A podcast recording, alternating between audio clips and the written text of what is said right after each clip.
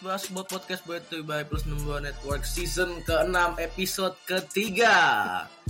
Setelah uh, FIBA selesai Yang cukup cukup mengesankan Karena nonton gratisan. Uh, Kembali lagi di Plus Minus Basketball Podcast episode ketiga. Iya. Anyway hari ini gue nggak sendiri seperti biasa.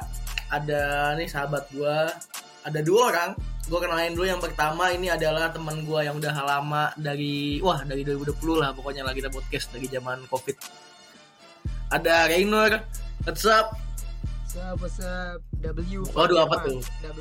oh Jerman ini. Back. Oke, bukan cuma Raynor yang akan menemani gue pada episode kali ini, tapi ada juga ini orang baru yang ini baru kenal. Biasa gue tuh di pas minus tuh kerjaan gue cuma kenalin orang ke Raynor, nanti tinggal dia yang mutusin aja deh.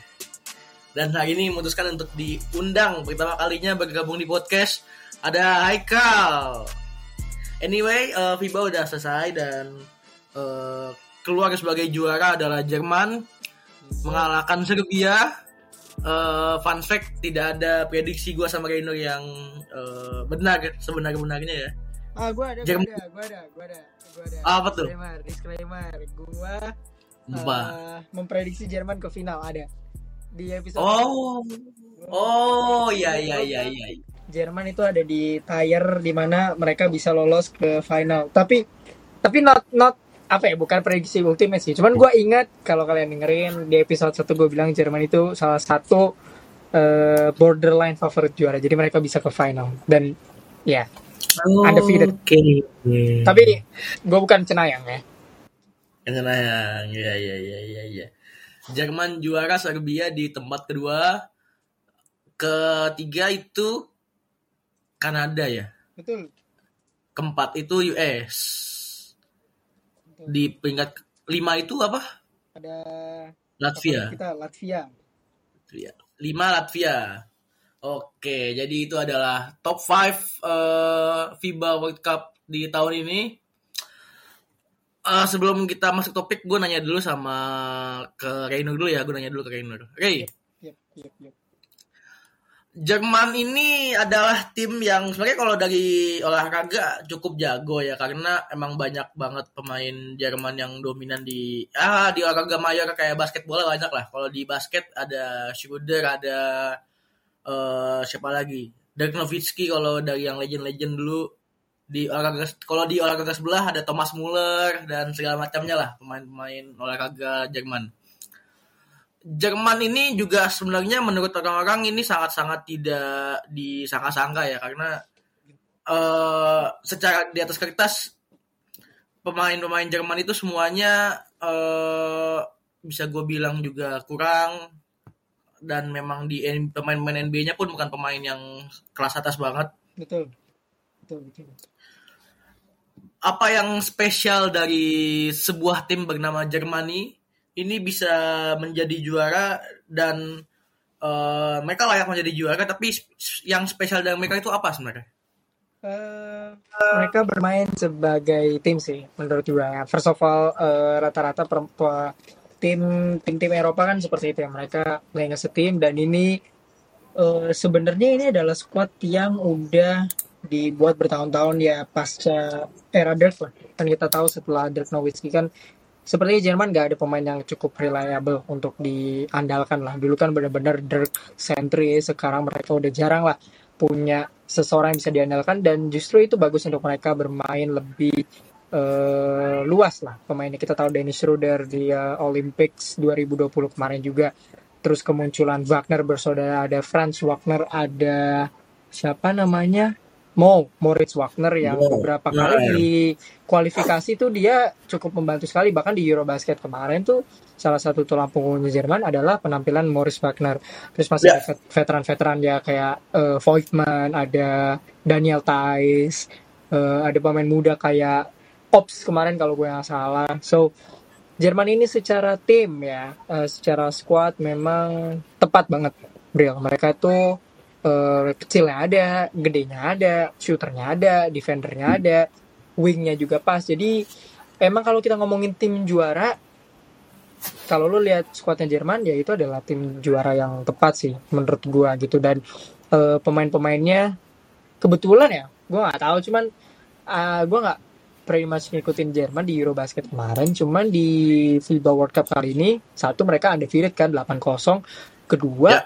gue merasa I, I, I don't know tiba-tiba pemainnya jadi jago semua gitu bener-bener they hmm. can knock down shots they can yeah. uh, apa namanya facilitate Dennis Schroeder cepet banget terus gue lihat Mo sama Franz Wagner ini bener-bener jadi apa ya bahasanya engine untuk uh, Jerman mereka bener-bener tidak kenal lah. Walaupun Franz Wagner tuh baru main di uh, ronde kedua apa kalau nggak salah dia sempat sideline dulu kan. Tapi what so special about them mereka squad yang lebih apa ya gue bilang lebih hmm, apa ya, squad yang lebih kohesif bahasanya dibandingkan negara-negara lain even lawan mereka Serbia gitu. Itu itu yang membedakan ketika second unit Jerman juga masuk mereka juga bisa uh, membackup. Biasanya kan kalau negara-negara Eropa biasanya. Second unitnya tuh tidak sebaik first unit karena second unitnya tidak ada pemain NBA lah istilahnya gitu. Jadi ya angin-anginan gitu kan. Tapi ya kayak Slovenia lah contohnya. Tapi si Jerman ini bener-bener menurut gue kohesif itu satu. Kedua mereka they playing with energy I think. Jadi itu yang spesial sih bro menurut gue dan kalau ngomongin kata spesial menurut gue kita harus lihat seorang Franz Wagner sih bro Franz Wagner gonna be gonna be amazing in years to come. Uh, jelas lebih baik daripada Moritz Wagner uh, kakaknya with all due respect. Dan ngelihat squad kalau kita ngomongin NBA Orlando Magic nih uh yang yang standar keren keren banget. Gue gue suka apa yang dilakukan Franz Wagner kemarin. Walaupun dia ini agak apa bahasanya ringkih gitu bahasanya. Dia masih belum bisa uh, apa walaupun dia sudah bermain cukup mature tapi ada hal-hal yang gue rasa baik buat Franz Wagner ini harus diperbaikin di sana dan sini. Tapi the potential is out of the roof untuk Wagner. Dia dia seperti traditional forward. Kalau bisa gue bilang Bril dia bisa melakukan banyak hal. Traditional forward banget. Uh, dia cukup bagus untuk dipasang di small forward. Dia bisa jadi playmaker juga uh, dia bisa deploying pick and roll kalau gue nggak salah. Hmm. dia bisa post up juga. Dia bisa cutting juga. Bisa jadi screen setter juga. Jadi sebenarnya ini orang bisa ngapa-ngapain gitu. Bahkan di di defense walaupun um, yang gue tonton sih not so great defender. Tapi untuk defender yang ketika di switch tuh dia nggak akan mismatch gitu lah. Karena probably he can guard 1 sampai 4 lah. Kalau bisa gue bilang. So I think banyak hal yang spesial. Franz Wagner salah satunya sih untuk gue. Untuk years to come sih Franz Wagner. Gue suka apa yang gue lihat. Kalau Dennis Schroeder mah ya fans NBA udah awam lah. Udah udah tahu lah. udah kenal lah sama udah kenal udah kenal udah kenal. Udah udah tahu siapa itu Schroeder Schroeder udah tahu lah. Cuman emang Schroeder ini gokil sebenarnya kemarin. Gokil sih. Dia averaging 19,1 points per game 6,1 assist. Dia benar-benar jadi kalau tadi gue bilang Wagner bersaudara itu adalah engine-nya Jerman uh, Schroeder ini adalah semacam motherboardnya semacam otaknya. Dia benar-benar gue gak tahu ya kemarin ada statistik usage rate atau enggak cuman cukup banyak bola dipegang sama Schroeder tapi dia bisa decide kapan dia bisa selfie dan tidak sih bro. Menurut gue itu yang gue melihat kayak tidak seperti hmm. Schroeder pada biasanya gitu kan. Biasanya dia di timnas tuh agak agak ini agak uh, selfish ya kayak Luka hmm. Doncic gitu lah biasa kan kalau oh tahu nih teammate gue seadanya mainnya selfish. Tapi kemarin hmm. juga mungkin gue gak tahu ya lu sempat lihat klip klip ini atau enggak cuman Schroeder tuh sempat berantem sama pelatihnya Jerman tuh kemarin. Dibilang hmm. kayak don't don't touch me gitu. You don't have right to touch me gitu. Tapi uh, gue juga syarat mau syarat kepada pelatihnya Jerman gue lupa siapa namanya. Cuman dia bisa meredam ego-ego itu. Schroeder ini kan egonya gede loh untuk pemain. Yeah, yeah untuk pema seorang pemain ya. Uh, dengan physical dia yang tidak begitu tinggi dia ini punya heart yang besar tapi dia juga egonya besar gitu. Jadi itu bisa diredam dan Jerman undefeated sih gila sih. Lu lu lu nyangka gak sih kalau Jerman bakal 8 kosong men? Gila.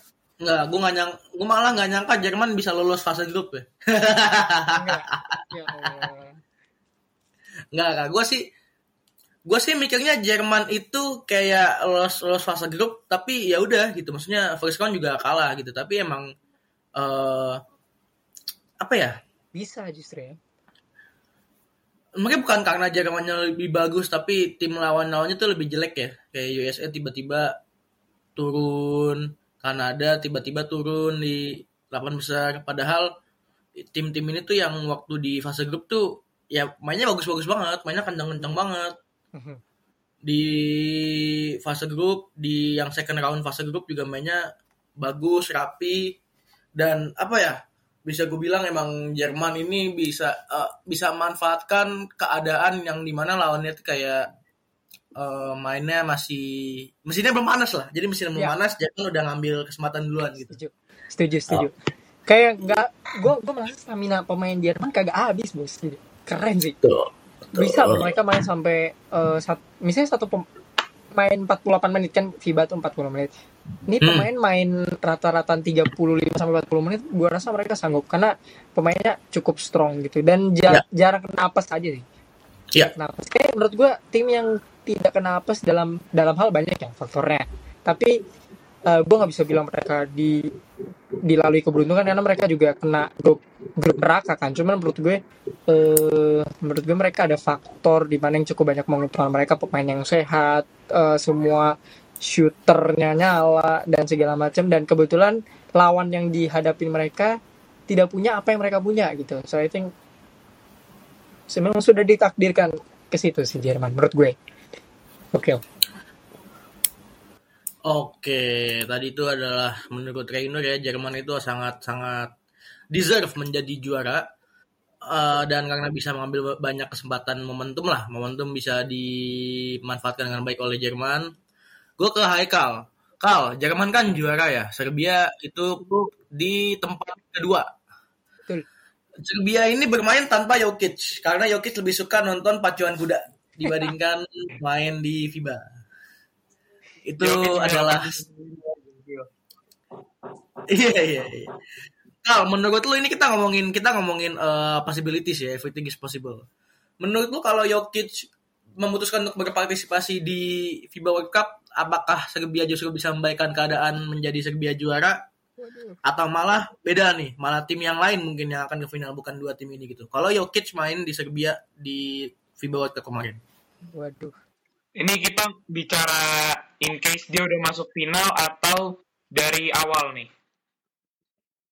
Dari awal grup. Boleh dari awal. dari awal Oke. Kalau dari awal ya Jokic cuy itu dia eh, big star kan. Apalagi em, wah udah juara kemarin. Jokic kata gue bakal ngebantu banget apalagi play-playnya Serbia kan banyak gerakin bola nih. Kalau kata gue Jokic kalau masuk ke roster itu bola makin aneh lagi tuh geraknya. Bisa pi- bisa tiba-tiba no look pass, cut backdoor segala macam mah udah. Persentase mereka bakal juara pasti naik sih, Bril. setuju gua. Setuju, setuju, setuju. kayaknya kayaknya kayaknya nggak nggak perlu lu tanyain ini ini setuju sih karena eh, Serbia pun kan kalau fans tim sebelah kan ngomongnya oh kita nggak ngeluarin tim A yang keluar tim B tim C Serbia tuh yang Nah. keluar juga tim B bos fun fact Iya. Serbia tuh yang keluar Tim tim sebelah B yang mana tuh? Waduh. ada lah bos yang yang world champ, yang world champion lah world champion lah jadi kayak menurut gua World Champion of what? Itu kayaknya bukan tim tim C, itu kayak tim tim G, tim H kayaknya deh. Iya. tim J GKU gua. 17 deh. Kayak kau 17. U23 U23 aja. Udah tiga. tapi ya Jokic kalau main udah udah pastilah Serbia bro. Menurut gua eh, mereka tuh memang tidak punya kemarin eh gue lupa si senternya ini siapa. Cuman memang kalau lu bandingin ada ada Jokic sama gak ada Jokic yang berarti ada si center ini ya Serbia juara lah kalau ada eh, Jokic menurut gue gitu. Dan dia akan ditasbihkan sebagai pemain terbaik dunia saat ini kalau Serbia Ya. bisa lolos ke final bersama dia juga. Cuman ya ya shit happen. Jadi ya tapi menurut gue Jokic ada Jokic jelas. Cuman gak ada Iya. Jokic pun kita harus tetap eh, apa namanya respect untuk Serbia ya. Karena mereka benar-benar Dia eh, gokil banget sih walaupun sempat kalah tapi perjalanan mereka ke final oke dan mereka menyingkirkan Kanada juga favorit juara dengan pasti gitu ya jadi menurut gue eh, harus harus di ya respect Favorit juara kan nggak ada yang masuk ke final juga ya. Favorit juara itu kan Kanada, Latvia, US, Prancis, Serbia sama Jerman itu nggak termasuk favorit juara sebenarnya, tapi Ser- malah Serbia Serbia Serbia itu favorit kalau ada Jokic masalahnya Jokic nggak Tapi Jokic-nya nggak main. Ha-ha. Iya. itu dia Jerman Bukan Serbianya yang favorit, Jokicnya yang favorit berarti iya ya. ya Jokicnya kalau Jerman Jokicnya yang bawa Serbia ya. Jerman tuh Iya. kalau di Eropa favorit bro kalau di Eropa tapi secara demografi fans basket keseluruhan Iya, dari nol sih Favoritnya Jerman, Jerman itu difavoritkan oleh orang-orang yang masih mendukung Perang Dunia Kedua. Oh enggak ya? Oke, Oke, gua ada kita lanjut, Serbia, kita lanjut. ke Serbia. Lanjut. Lanjut ke Ratu Menceng ini. FIBA World Cup. Ini adalah satu buah storyline yang menarik terutama untuk kita para fans bola basket Indonesia karena pertama kalinya Indonesia menunjukkan kemampuan kuli Jawa. Nggak sampai setahun bikin arena langsung jadi dan biasanya kalau kalau Indonesia itu bikin bikin begituan nih. Waktunya tuh bikin bangunan lah waktunya tuh kayak mepet banget. Pas udah pas udah jadi tuh pas udah jadi atapnya tuh kayak masih ada yang bolong-bolong kayunya masih ada yang ngeplek gitu kan tapi dengan Rumput- kemampuan rumputnya nggak standar FIFA Iya, gak, sta- nggak, nggak dirapiin lah pokoknya lah. Masih ada banyak batu-bata yang bolong, yang nggak rapi. Tapi dengan kemampuan kuli-kuli Jawa dan eh, power of money-nya Erick Thohir, semua terselesaikan dengan baik. Ini juga adalah sebuah momen yang sangat menyenangkan bagi Indonesia karena pertama kalinya yang gue bilang juga di episode sebelumnya, Indonesia punya lapangan atau arena basket yang standarnya udah dunia. Eh, ada banyak perjalanan historis di FIBA juga kayak Prancis bisa dikalahkan nama Kanada dan Latvia. Padahal Prancis juga salah satu negara dengan sejarah FIBA yang cukup oke lah bisa punya banyak pemain-pemain yang masuk eh, top starnya FIBA. Ada juga Latvia yang ternyata di group phase bagus tapi pas udah mulai masuk delapan besarnya KO jatuh ke peringkat 5 Yep. USA termasuk yang ternyata memang USA tidak bisa mengalahkan tim-tim negara lawan tanpa pemain senior ya. Eh menurut dari gue ke Haikal dulu sekarang menurut lu mom, satu momen yang menurut lu paling lu paling berkesan buat lu di FIBA kemarin itu momen yang mana? Wah, FIBA World Cup Indonesia jadi co-host, it's a big opportunity man, big time, big time. Itu kita sebagai fans Indonesia, gue sendiri happy banget kita udah punya Indonesia Arena, terus kayak eh, FIBA World Cup man. ini kayak salah satu pioneer dari olahraga basket di dunia kan. Ya, Nah, jelas kalau menurut gua em, kesempatan yang paling apa? Momen yang paling berharga buat gue itu nonton langsung sih.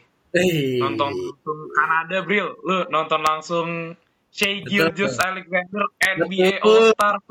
Man. betul. Tapi saya nggak nge- tangan ya.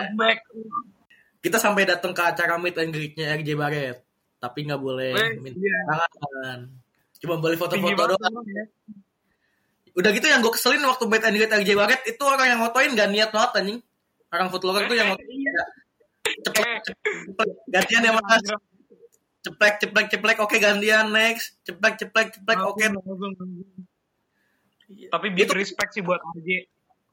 Iya gue respect sama RJ, cuma yang gue keselin itu kan gue daftar lewat email ya, lewat pendaftaran. Terus dapat email tuh kiriman. Pas gue nyampe, Hmm. yang datang kayaknya lebih lebih banyak dibanding possibility orang yang dapat email ya. Ternyata itu bukan buat buka buat yang tidak mendaftar dengan link, nggak yang dapat email juga keda- kedapatan, tapi ngantrinya panjang banget kan. Terus gue mikir, Ya, itu worth it. "Mending acara tertutup aja kali biar yang dapat email doang yang bisa datang gitu. Tadi Haikal bilang juga eh, bisa nonton langsung di Indonesia Arena, nonton FIBA langsung di sana. Yang gue juga sempet, Reno juga sempet, dan kita ngeliat kemegahan Indonesia Arena. Eh Ray, Reynor ini kalau ngomong- ngomongin momen terbaik udah pasti Latvia ngalahin Prancis. Yes. Tapi itu kan nonton juga sih karena nonton langsung ya. Yo. Tapi Ray, menurut lu momen paling paling lo berkesan buat lu di selama lu nonton FIBA World Cup itu momen apa Ray? Eh, setiap pertandingannya eh, Latvia sih baik yang gue tonton langsung maupun yang tidak. Emang kemarin tuh seperti durian runtuh ya, Bril. Eh, ketika kita eh, menonton Prancis Latvia, gue kira itu bakal jadi random ass game. Ternyata ya one of the best if not the best game di Piala Dunia kemarin ya adalah pertandingan antara Latvia dengan Prancis gitu memastikan Prancis yang udah beberapa kali lolos ke babak final uh, medalis di Piala Dunia terakhir 2019 mereka dapet apa bronze. Terus mereka Olimpiade dapat perak Eurobasket dapat perak. Jadi going into this World Cup siapa sih yang bakal nyangka? Seorang Latvia gitu yang akan menyingkirkan uh, Prancis. Itu satu. Lalu uh, mereka juga ngalahin Spanyol ya kalau gua nggak salah ya. Mereka ngalahin Spanyol juga if I'm not mistaken apa Spanyol kalah sama Brazil. Tapi uh, the whole Indonesia arena thing is amazing tapi menurut gue lebih ke storyline Latvia. Sampai akhir mereka merebut juara 5 tuh menurut gue oke. Okay. mereka tuh satu-satunya lawan paling sulit yang Jerman lawan adalah Latvia bos. Itu mereka cuma kalah defisit dua angka dan itu kalau Davis Bertans nggak cepat-cepat nge-shoot di detik terakhir mungkin storyline-nya bakal beda. Itu hampir kalah loh Jerman nih atas uh, Latvia. Dan menurut gue dari gue nonton Jerman 3 sampai 4 pertandingan pertandingan sama Latvia yang paling alot yang Jerman lawan. Not even Serbia men. Latvia. Ya. Latvia. Jadi uh, melihat Latvia tanpa Porzingis tanpa Dairis Bertans yang di episode lalu kita udah bilang dan mereka sampai di posisi 5 gitu. Gue kira gue sama Jibril kira itu kayak bakal oh ini sensasi fase grup ya kan lolos second round bla bla bla habis itu selesai. Ternyata mereka bisa ngasih fight untuk uh, Jerman dan bahkan mereka finish di posisi kelima yang artinya mereka finish di atas gue lupa siapa yang pasti di atas Slovenia. Slovenia Luka Doncic. Jadi mereka bisa di finish di atas uh, Slovenia sih gokil banget sih. Lituania juga di atas mereka eh di bawah mereka. Jadi uh, Latvia in the hole. Uh, supporternya juga gokil. Uh, di hari terakhir mereka memastikan lolos tuh ada yang bawa ada yang bawa kardus gitu kalau gue nggak salah Uh, Ah, ya, ya, ya. CGK ya bandara CGK Indonesia ke Manila gitu jadi Wah itu di gokil sih sampai di banner cuy. gokil gokil uh, hold Itu banner buat ini ya? Apa? Ban itu banner atau tiket tiket pesawat atau, atau apa sih itu? Uh, itu ya tiket pesawat tapi mereka juga bawa yang di tribun gitu loh Bill jadi menurut gua kayak uh, effortnya sih gede banget sih paling paling iya. banyak Effort sih. iya Iya, iya iya. Eh, kalau nggak salah tuh Serbia sama Lituania yang paling banyak totalan supporter yang datang yang ketiga tuh Latvia harusnya Hmm, hmm. jadi kayak mereka militan Lituania nggak nggak di Indonesia soalnya ya?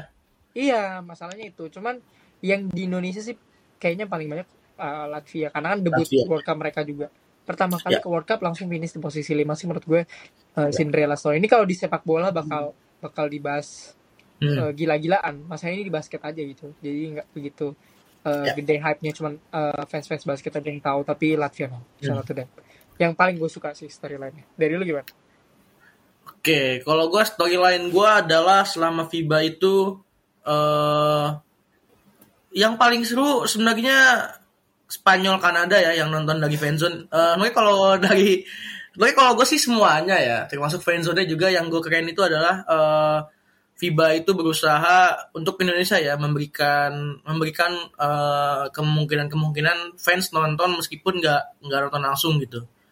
Entah itu lewat HP di streamingan atau nonton langsung nobar di fanzone. Yep. mana nobar di fanzone diganggu dikta anjing. Dikta manggung di kuarter dua makanya. Lagi mang lagi kuarter dua dia manggung nyanyi nyanyi lagunya bento lagi Iwan Fals kan iya nggak nyambung itu fans-fans Latvia gue yakin pasti yang datang ke fanzone kayak heran nih ada pertandingan tapi kok lu malah nyanyi gitu kan iya gitu seharusnya Malah- malah- fans Latvia juga nggak ada yang kenal dia. Itu kan makanya kan ini kan gue juga bahas nih di fanzone.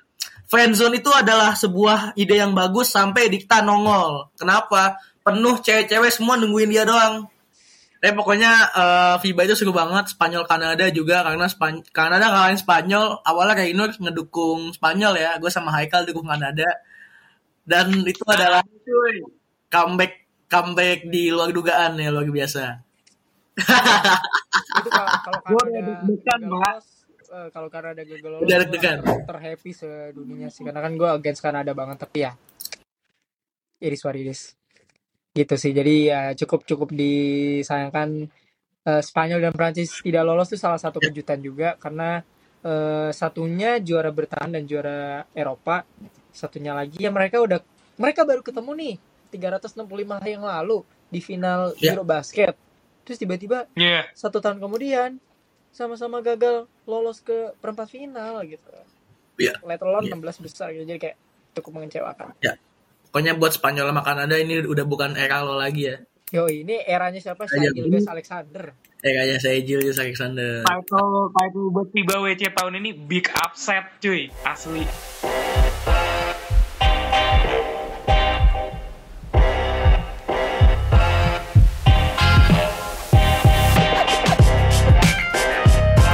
Ada FIBA, ini next stopnya adalah Paris Olympic yang ini Olympic ini kayaknya Eropa doang ya, atau apa nih? Karena All Star Go Olympic seluruh, itu seluruh, seluruh dunia dong, seluruh dunia. Seluruh dunia Tapi juga bukan ya? Paris, seluruh dunia tapi Jepang, Jepang eh, kan qualified.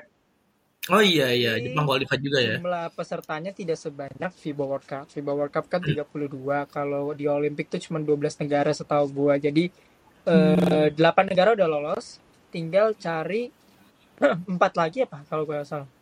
12 apa 16 tim doang di Olimpik. Ya. Jadi emang biasanya Ya. sih kalau di basket lebih bergengsi dibandingkan FIBA World Cup.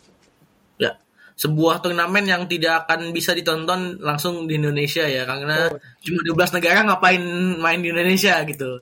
betul. Next stop adalah Olimpiade 2024 di Paris. Kotanya kok negara yang penuh cinta ya. Kota yang penuh cinta, Menara penuh, Eiffel. penuh ini juga penuh copet. Penuh copet, penuh copet, betul, betul, betul. Olimpiade ini akan jadi ajang internasional selanjutnya, termasuk juga Spanyol, Lituania, Slovenia. Eh, tuan rumah juga main eh, Perancis. Kemungkinan Perancis akan mengontrak Mbappe di Olimpiade 2024 ya. Dia ini. Ini ada satu ada satu informasi menarik mengenai eh, Olimpiade Paris 2024. Datang dari negara yang mengirimkan tim lapis 12 Betul? di FIBA World Cup dan kemudian setelah FIBA World Cup ternyata tim 12-12 ini tidak bisa memberikan banyak eh, prestasi lah. senior senior ini mulai mulai berkumpul kayak ngomong bagaimana kalau kita yang ikutan di Olimpiade bukan Betul. junior junior ini. gitu. Itu adalah tim USA yang headline ini big news. LeBron James tiba-tiba nelponin teman-temannya semua yang dulu pernah main di timnas USA dapat medali emas juga 2012, 2014. LeBron James, KD, Steph Curry nama-nama yang udah biasa eh, kita dengar di timnas eh, dikabarkan akan bergabung. Ya. Nih gue ke Michael dulu. Kal, eh, nis nih nanti nanti sebelum eh, kita akhirin kita bakalan eh, bikin gue bakalan ngasih nama pemain eh Reika, Haikal sama Reynor yang akan nge-rate apakah pemain ini pantas atau enggak untuk main di timnas USA. Tapi gue kayak Haikal dulu sebelumnya. eh Hmm. pemain pemain macam LeBron James ini kan sendiri juga udah tua ya, 38 tahun. Tahun depan 39 harusnya. Tahun depan 39. Ini nggak jauh beda sama kayak nggak jauh beda sama kayak Luis Scola waktu di eh, FIBA tahun lalu, FIBA yang sebelumnya ya. Iya, Olimpik, Olimpik. FIBA WC iya bro 2019. Iya. Luis Scola udah tua, udah 39-an kalau nggak salah. Luis Luis Scola tuh udah tua banget lah waktu terakhir kali berpartisipasi. Sama kayak Hadadi juga, Hadadi. Ya. Pemain tua ini kan nggak bisa banyak berkontribusi di lapangan ya. Paling kalau di bench banyak bacot bisa kayak teriak-teriak gitu. Yang bisa ngasih teriakan doang lah. Begitu juga Kevin Durant, Steph Curry, mungkin juga Chris Paul dipanggil lagi. Pemain-pemain yang dulu pernah main di timnas kayak Jason Tatum, Dame, eh, Chris Middleton atau mungkin Clay Thompson juga, Raymond Green juga dulu pernah. Menurut lu Kal, eh, apakah ini akan membawa banyak perbedaan dari segi prestasi ya, bukan dari segi kemampuan di atas kertas karena itu udah pasti banyak perbedaan. Tapi apakah lo yakin akan bisa melihat prestasi US di Olimpik dengan membawa squad-squad senior yang eh, sekarang lagi ngumpulin kekuatan atau justru malah itu jadi bumerang buat mereka karena senior ini udah pada tua-tua dan kebanyakan dari mereka nggak pernah lagi bertanding di ajang internasional. Menurut lo gimana? Ini media dari kemarin gue bacain Instagram, Twitter segala macam ini udah banyak banget ya iming-iming revenge team ya kan Waduh. setelah meme-nya World Champion of what? Wah ngamuk nih abang-abangan USA cuy. Nah Bril, kalau menurut gua, lu kan fans LeBron sendiri nih. LeBron itu, eh lu tahu kan, kalau bawa LeBron itu bukan pemainnya doang, bukan fisikal, fisikal ya, tapi lu Ya. bawa ekosistem. Ya. Oh, kan ini Le GM namanya juga Le GM kan Iya. itu dia tua nggak masalah Bril yang penting Hmm. IQ dia di lapangan Ah, ya. kalau lu tahu cerita-cerita kayak cerita-cerita podcast Iman Shumpert, Draymond Green yang LeBron nyuruh lu cut aja nanti si ini eh oleng lu langsung passing. Dia yang nyuruh kan? Nah dia itu Ya. yang playnya itu dia. Hmm. jadi kalau lu bilang eh ini tua-tua fisikalnya gini gini gini eh, menurut lu bakalan jadi bumerang atau enggak? Menurut gua enggak. Oke. LeBron bakalan cari cara buat eh, gimana cara ngebuat tim ini solid terus kayak kita butuhin si ini ini ini ini. Mereka role-nya apa aja terus eh, gitu sih LeBron bakal buat ekosistem tim yang solid buat Paris 2024 menurut gue. Oke, jadi LeBron ini semacam eh, lebih ke ah ya the king lah, the king. Emang kalau raja itu nggak perlu banyak kerja, yang penting ngasih strategi A B C D terus jalanin sukses, menang gitu Nyuruh-nyuruh ya. Nyuruh-nyuruh aja. Nyuruh-nyuruh aja ya. Cuma pemain-pemain yang diajak LeBron James kan bukan pemain yang mau disuruh sama dia ya. Stephen Curry sama Kevin Durant bukan tipe pemain yang mau nurutin perintah LeBron James ya. Karena kan mereka juga bukan pemain yang nggak pernah jadi teammate LeBron James di NBA. Kalau Kyrie mungkin masih mau lah. Love, eh, AD mungkin masih mau karena udah kelihatan udah ketahuan mereka yang ngikutin perintahnya LeBron terus Siap juara. King, siap King. Waktu Kevin, Presiden. waktu Kevin Durant sama LeBron James itu satu tim di timnas itu mereka ada Kobe sama Chris Paul yang mana Ya, Kobe ini jadi leadernya di sana kan. Yang lebih sepuh dari LeBron ya. Iya. Iya betul, Sekarang yang lebih dia senior. Dia, dia udah sepuh. Jadi balance.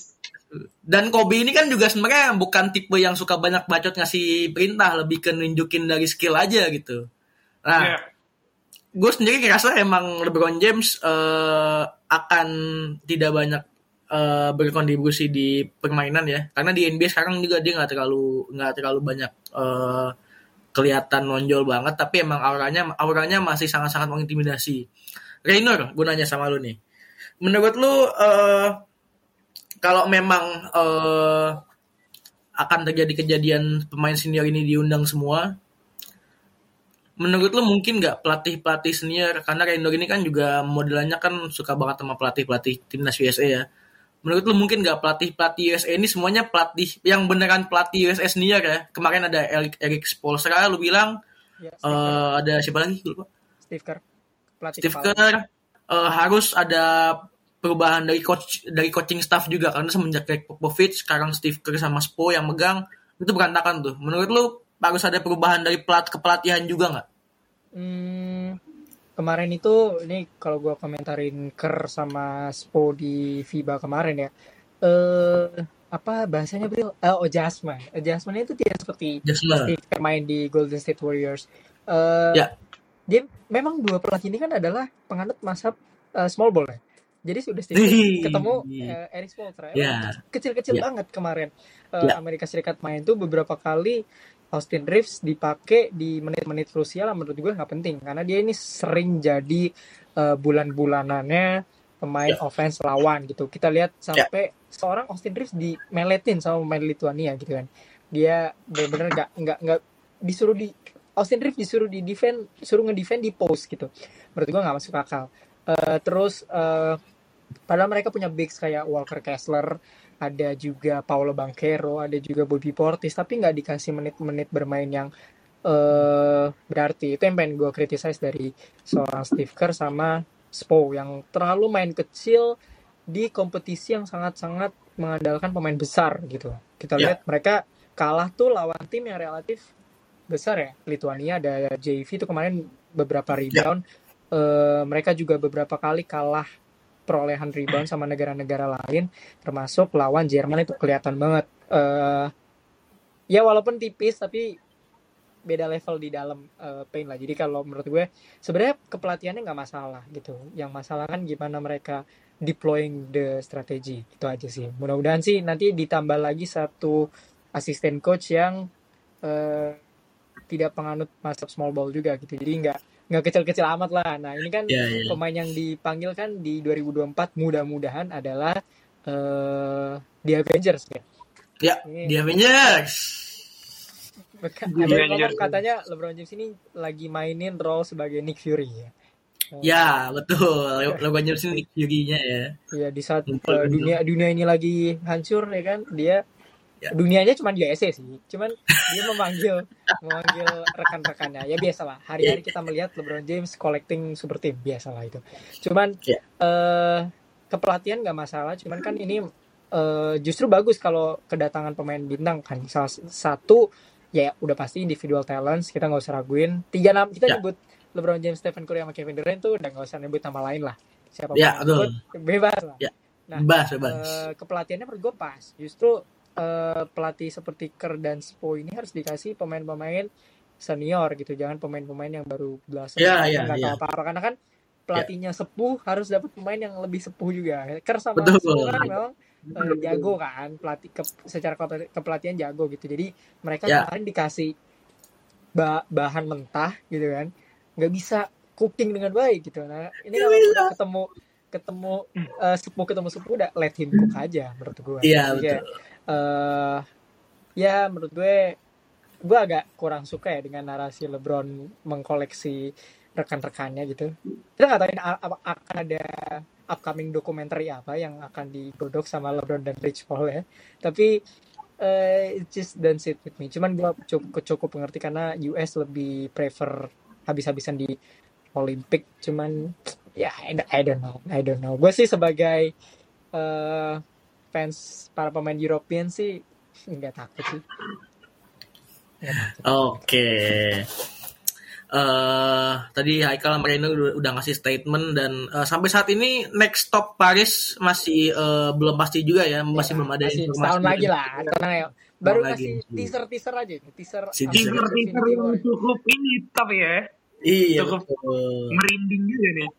Menurut gue menurut gue LeBron tuh pinter dalam mengontrol narasi dia tahu oh semua orang ngomongin Dennis Schroeder nih apa yang akan orang lakukan untuk ngomongin aku lagi gitu oh gue jadi biasa Iya iya benar benar. Iya dia benar. pinter, pinter loh pi- pinter loh LeBron itu kayak PR-nya jago banget. misalnya kemarin Nikola Jokic eh, Nikola Jokic juara tuh kalau gue nggak salah tenggelam sama beritanya LeBron apa gitu jadi kayak di Hmm, setiap hmm, ada hmm. berita basket gede gitu ya itu Ya. langsung di twist gitu loh sama LeBron James oh orang ngomongin gue lagi dong gitu jadi gue Iya, ya. Oh, iya. Oh, itu gitu caranya buat mendapatkan viralitas ya. NBA satu ini mindsetnya udah Wih. udah rajin jadi menurut gue eh, oh rakyat rakyat gue nggak boleh nih nggak ngomongin gue harus ngomongin gue gitu Iya. lagi ya otoriter biasa jadi ya menurut gue eh, LeBron ini memang menyiapkan sesuatu lah pengen Ya, pengen ya. bikin dokumenter baru gue nggak tahu siapa yang akan terjadi karena kan LeBron terakhir 2012 ya bro di 2012 ya. eh, That's How London gitu. LeBron tadi Haikal juga 2012 tuh London ya? Olimpik terakhir. Oh iya, London, London Olympic terakhir 2024 nanti ya 12 tahun setelahnya LeBron balik Ya. lagi. Jadi Hmm. kayak eh, dulu masih ada Kobe nih. Sekarang kan berarti beban leadership harus ada di LeBron sepenuhnya. Ya. Gua nggak bisa melihat ya Kevin Durant untuk ngatur-ngatur Hmm. enggak dong ya kan apalagi Steph Curry gitu. Jadi udah Kalau Steph Curry masih oke lah kita mau ngeliat lah. Kalau Kevin Durant kita nggak mau ngeliat kali ya. Ya, ya kalau Kevin Durant cuman menurut gue eh, ketika Raja memanggil harusnya rekan-rekan sahabat-sahabatnya itu Iya. mengikuti gitu. Jadi Mengikuti. asik sih asik sih ngelihat ngelihat teaser yang dikasih LeBron ini asik sih menurut menurut Asik, gue. asik Olimpik banget 2024 harusnya bakal jadi peak apa ya bisa gue bilang eh end game ya kalau kita ngomongin Endgame. Infinity War Iya. dunia basket Iya, iya. harusnya eh, Mereka udah dibantai Olimpik gitu kan. 2024. ah, Cara iya. mereka rise up lagi tuh ya gitulah. iya iya mungkin mungkin nggak dibantai banget sih mereka mereka tuh cuman nggak terima satu sama narasinya Noel Nah, iya, kemarin mereka world champion of what itu satu kan langsung Hmm. Salty banyak tuh komentar-komentar pemain NBA Salty ada Jason Tatum, Kevin Durant, Devin Booker, Damian Lillard. Yang kedua, Amerika bener-bener kalah gitu dari Ya. satu dari Gak bawa apa-apa. Satu dari Jerman yang menjadi eventual champion, kedua sama tetangganya yang selalu mereka asepin gitu. Dan mereka nggak bawa apa-apa. Ketiga tadi kata Haikal bilang, jadi eh, mereka udah back to back FIBA World Cup di abis-abisin. Dan memang fans tuh butuh that USA Dream Team. Biasalah. Narasi-narasi. Heroic lagi ya? story-nya Amerika. Pasti. Iya, iya. Iya. Tapi kan kalau Avengers Iron Man mati ya. Di nanti di tahun depan Olimpik yang jadi Iron Man Menurut Ngeri banget. menurut Ngeri banget. kalian, menurut mati. kalian tuh eh, Avengers-nya USA atau rest of the world? Oh iya iya iya. iya. Menurut gue sih Kayaknya ini ini rest of US the world. versus the world ya tahun depan ya Olimpik ya. Eh, karena ini LeBron US tuh versus ke, everybody cuy. menurut Yes, gue sih. LeBron tuh bukan kayak Nick Fury justru kayak Thanos ini sih menurut gue dia. Oh, Dia dulu. mau- Iya. Iya benar ingin- benar ingin- benar. Ingin mengembangkan Ah. kejayaan itu. Dia Dia koleksi Infinity Stone. Ih, ah. Like, ah, betul. Infinity Tapi Stone. anak buahnya Thanos nggak ada yang terkenal dong berarti. Berarti yang diajak LeBron James nggak ada yang terkenal dong. Kan kita kita nggak ada yang kenal anak buahnya Thanos. Tapi kan semua, Bril. Infinity War kan kemarin hampir kalah. Itu itu karena ini aja, karena Iya sih. apa namanya plot plot armor aja. Plot. Tapi kan Oh iya. memasang satu Curry ya kan, dua Iya. Curry ya kan, masa Iya. Jason Tatum, Iya. Iya. Wah itu Iya. mantap itu bos, ya kan. Oh, gue dia Thanos sih di sini, bukan Nick Fury sorry, Thanos. iya iya iya iya. iya. Berarti nanti Avengers itu adalah tim tim selain USA ya. Ya, tim Nah, nanti itu. nanti gue akan drop di kolom komentar Spotify. Menurut kalian siapa dari tim Avengers The World Basketball ini yang akan mengalami nasib seperti Iron Man ya? Mungkin Dennis Schroeder atau mungkin eh, Bogdan Bogdanovic atau Luka uh. Shai Alexander. Pokoknya kalian tentukan tentukan pilihan kalian siapa yang akan mengalami nasib seperti Iron Man di Avengers. Oke.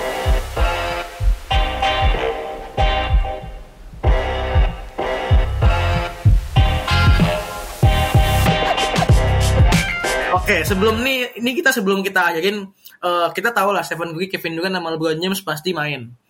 Eh, Nggak mungkin kita nggak mau mereka main. Apalagi mereka bertiga ini sebenarnya masih masa masih masa prima lah. Iya, Meskipun umurnya- untuk menutup menutup Iya, karena menutup lah, Curry, menutup. Curry itu nggak pernah dapat eh, Olympic gold medal. Nggak pernah. Tapi Iya, waktu 2014 dia dapat ya, FIBA ya, 2014 FIBA, ya. juara dunia Dapat. FIBA. Tapi dia FIBA bukan dapat. point guard utamanya Bri waktu itu masih Iya, iya. zamannya Derrick Kyrie, Kyrie. Irving ya kan. Iya. Gue mau eh, ngasih ini kan udah ada tiga pemain ya. Ini akan ada sembilan pemain lagi yang akan gue sebutin ke Raynor dan Haikal. Kalian eh, nyebutin pantes atau enggak aja. Oke. Yang pertama adalah Anthony Davis.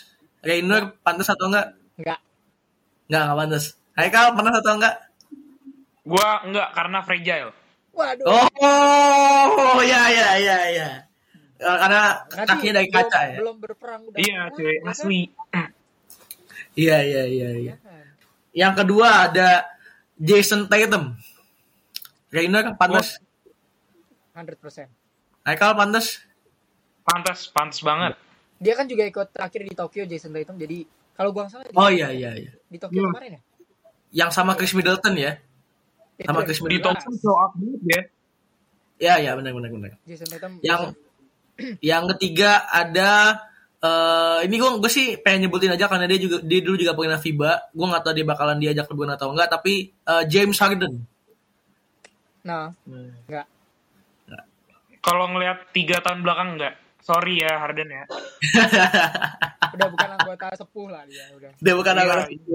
Oke oke. Kecuali oke. di Paris banyak eh, klub malam yang cukup afford. Oh, Bisa, banyak banyak.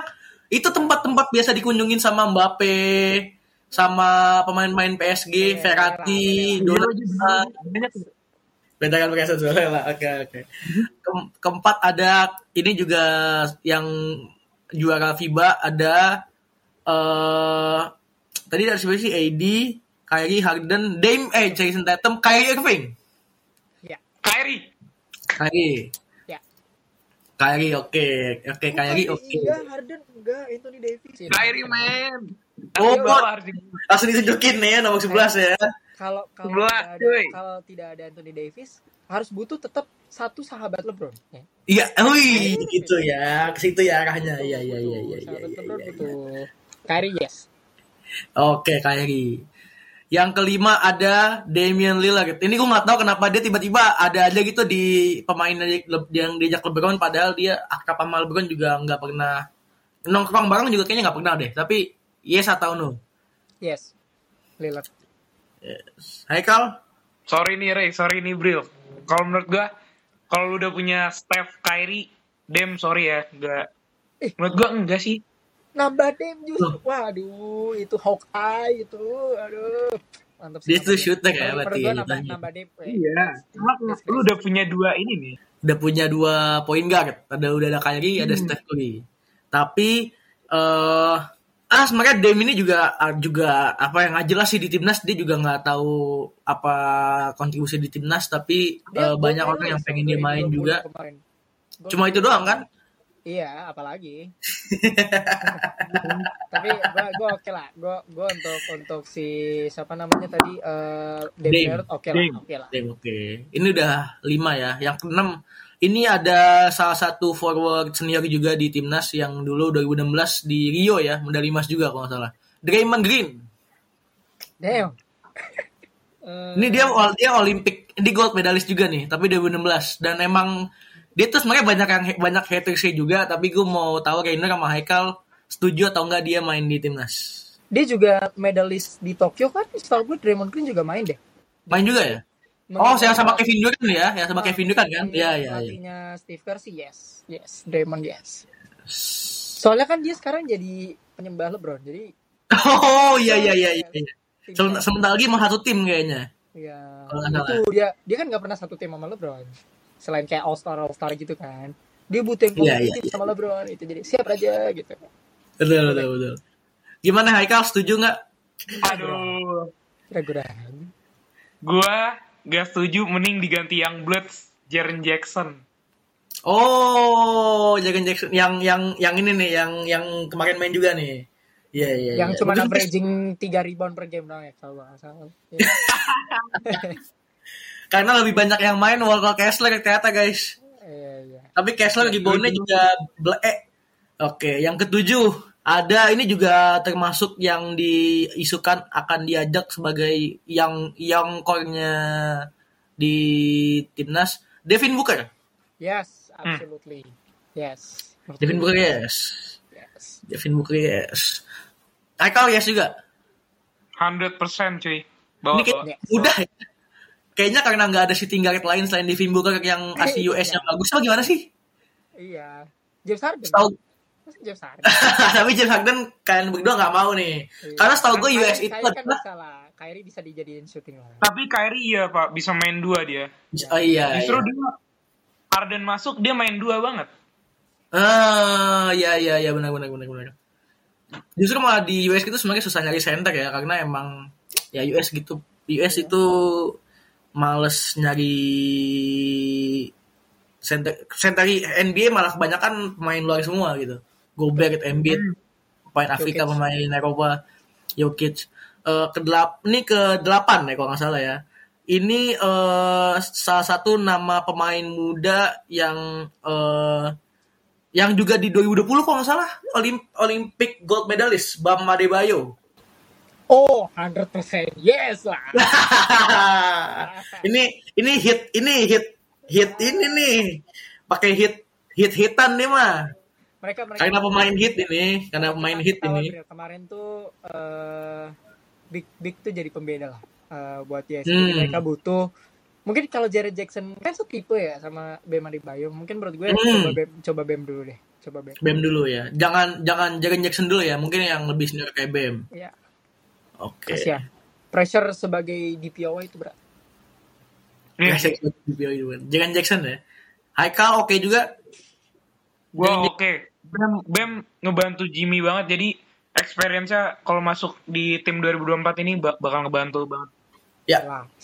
Emang butuh center yang berani juga Bill. Karena kan lawan lawan Iya. USA di paint area itu gokil-gokil loh. Jadi Hmm, ya mungkin mungkin gue nggak jamin BM akan menang sepenuhnya cuman seenggaknya Ya. eh, di paint tuh butuh pemain yang lebih berani untuk nangkap rebound untuk eh, Ya. defense 1 sampai 5 kan BM bisa melakukan itu gitu jadi kalau switching nggak Ya. kalah alamat lah Betul betul. Oke, ini pemain terakhir.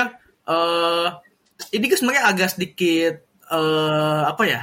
Rancu juga nyebut dia, tapi eh ini gue akuin gue buat jenengin kayak aja. Eh, Jimmy Butler. 2016 dia, nah, 2016 itu dia kalau nggak salah Olympic gold medalist juga ya. Ada DeRozan, ada Carmelo, ya, ya. ada Kyrie juga 2016. Eh, udah punya pengalaman di ajang internasional dan Olympics juga. eh, Rainer, Haikal apakah setuju Jimmy Butler? Atau enggak, kalau misalkan nggak setuju James Harden gue masukin nih. gue masukin lagi di James Harden nih. James Harden soalnya bagus di dia dia James Harden udah Olympic gold medalist 2, terus udah FIBA FIBA World Cup 1, James Harden mendingan James Harden dibanding Jimmy Butler enggak sih?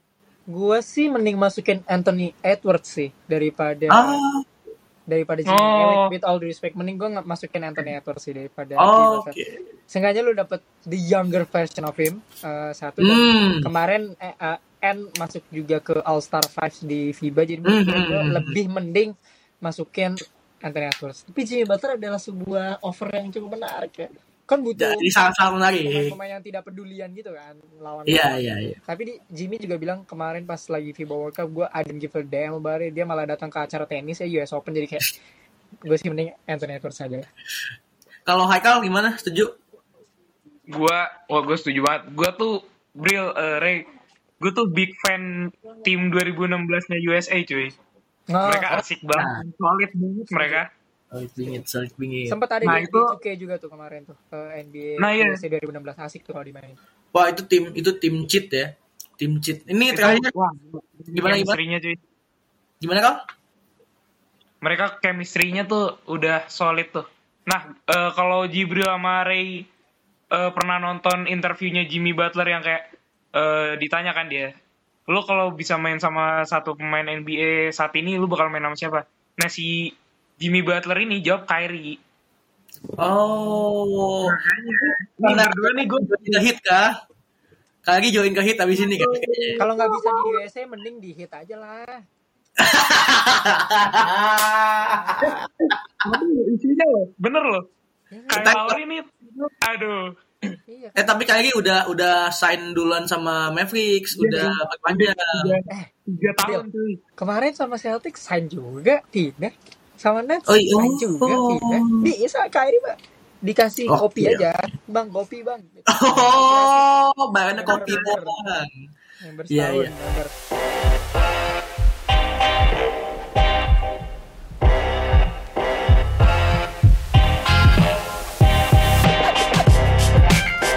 Pesan dan kesan kalian selama FIBA World Cup dari Renit nih pesan dan kesan selama kalian kan juga nonton langsung terus ke fanzone dan kalian nyaksikan menyaksikan bagaimana Indonesia ini one step for one more step for Indonesia untuk naik ke puncak yang lebih tinggi di basket internasional lah ajang basket global. Dari Raynor pesan dan kesan lu buat FIBA buat Indonesia buat berbasi ada yang mau disampaikan More or less sama ya. Mungkin pesannya eh, kesan. Eh pesan kali ya. Kalau kesan kayaknya udah oke lah. Sudah di, Ya. terlihat di Real 9 plus minus. Gue cukup Ya. bahagia di sana ya. Eh, menonton pemain NBA langsung yang biasa kita tonton dari layar laptop. Eh, mungkin Ya. pesannya. Eh, lebih ke mudah-mudahan nanti ke depannya Indonesia single host turnamen kayak FIBA Asia Cup kemarin. Tapi yang level lebih internasional. Eh, mungkin Olimpik eh, di 2000 berapa nggak tahu. Tapi gue berapa kita bisa ngadain eh, Olimpik karena sayang arena sebesar itu yang dikasih main buat eh, timnas doang gitu kan sayang. Jadi men- mending juga dipakai buat timnas timnas internasional lainnya. Sama Ya. kedua pesan kedua eh, streaming saya di video.com aja lah. Jangan di RCTI Plus ya. Iya. Mahal mahal Lelet. mahal. Mahal. Lelet lelet. Lelet gitu. With all due respect ya, tapi video. mending video.com aja ya iya iya tuh iya. nggak usah bina-bina lah besok usah, nggak usah, video.com nggak aja. NBA juga ya jadi NBA. eh, sayang banget kemarin FIBA World Cup orang-orang mau nonton tapi malah sulit Ainyu sih nayangin dan oke banget komentatornya gue juga suka cuman buat yang nggak punya setup box pasti kan harus langganan di Vision Plus ya Ya. itu aja pesannya Oke. dari Haikal yang mau disampaikan untuk basket Indonesia perbasi Indonesia basketball FIBA ini nanti bakal di gua share langsung ke Mas Junas kok tenang aja gue kira lo mau di share langsung ke Pak Haritanu enggak enggak ya? enggak ke Mas Junas aja dulu FIBA World Cup 2023 Indonesia co-host. Em, gua gua mau say thank you sebesar-besarnya buat Perbasi, buat eh, Kemenpora udah merealisasikan mimpi kita ya. Em, sebagai fans basket Indonesia, Indonesia Arena, men. Gila. Gue masuk situ merinding. Kayak langsung kebayang nih, visionnya buat ke depannya apa aja nih bakal bisa apa gini-gini Kelas. gini. Wah, kelas kelas dunia sih itu arena. Terus apa lagi ya? Eh bakal banyak opportunity besar sih buat Indonesia. Kayak tadi Ray bilang event-event kayak internasional itu gue harap bisa banyak event lagi. Dan gue harap banget nih NBA tolong NBA Global Games bisa kali. Bisa, bisa. Nah, NBA bisa. Games Indonesia, Indonesia Games ya, Jakarta Games kayak Paris Games. Nggak apa-apa kasih Charlotte Hornets nggak apa-apa, nggak apa-apa, sumpah. Nggak apa-apa, nggak apa-apa. Iya. Detroit apa-apa. Pistons nggak apa-apa, nggak apa-apa. Charlotte Hornets lawan New York Knicks atau itu boleh lah. Nggak Nggak apa-apa lah, nggak apa-apa. Kalau Penuh, penuh. Dallas Mavericks sih. Kalau bisa Mavericks. Mavericks boleh lah, boleh lah. Mavericks sama New York Knicks, Knicks sama New York Knicks. Nggak apa-apa lah. Kalau Ah, nggak itu kalau nggak bisa sampai itu ya New Orleans Pelicans saya nggak apa-apa lah. Zion. Nggak apa-apa, nggak apa-apa, nggak apa-apa. Zion. Zion nggak Zion. Zion, Zion. Houston Rockets yang jelek juga nggak apa-apa. Gak apa-apa, gak apa-apa. Jalan Green, gak apa-apa. Jalen Green nggak apa-apa. nggak. Eh, pesan gue, eh harapan gue sih ya, lebih ke harapan ya. Semoga benar kata Haikal, eh, event-event nggak cuma ajang internasional, tapi juga kayak IBL juga ngadain seri di Indonesia Arena. Eh, dan insya Allah mungkin ke depannya di BL 5 event-event ke Jogja akan dapat kesempatan, termasuk juga komunitas akan dapat kesempatan bermain di Indonesia Arena. Yep. Setiap uh, harus main di Indonesia Arena sih menurut gue. Setiap Ya, ya, ya. Betul, betul. Semoga tahun 2027 FIBA mendapatkan memberikan slot kepada Indonesia untuk jadi tuan rumah lagi ya di Masa 2027. di lagi 2027. Qatar lah Qatar sekarang. Oh, sekarang KO di Qatar. Qatar dari Iya. Tapi- Apa? Tapi nggak dapat nggak dapat inilah nggak dapat eh, jatah nggak dibagiin jatah lagi ke Indonesia ya? Enggak lah. Kita kan lagi runningnya for Olympic soalnya. Oh, 2003. soalnya kalau di Qatar kayaknya 30 Nggak apa-apa lah. Ya, kalau di Qatar kayaknya muat 8 grup ya. Soalnya kan negaranya gede, banyak banyak tempat-tempat mewah. See you in next episode. Uh, gua Rafa Reiner bersama Haikal mohon pamit. Uh, sampai ketemu di episode berikutnya guys. Cheers. World champion of what? World Champion of What?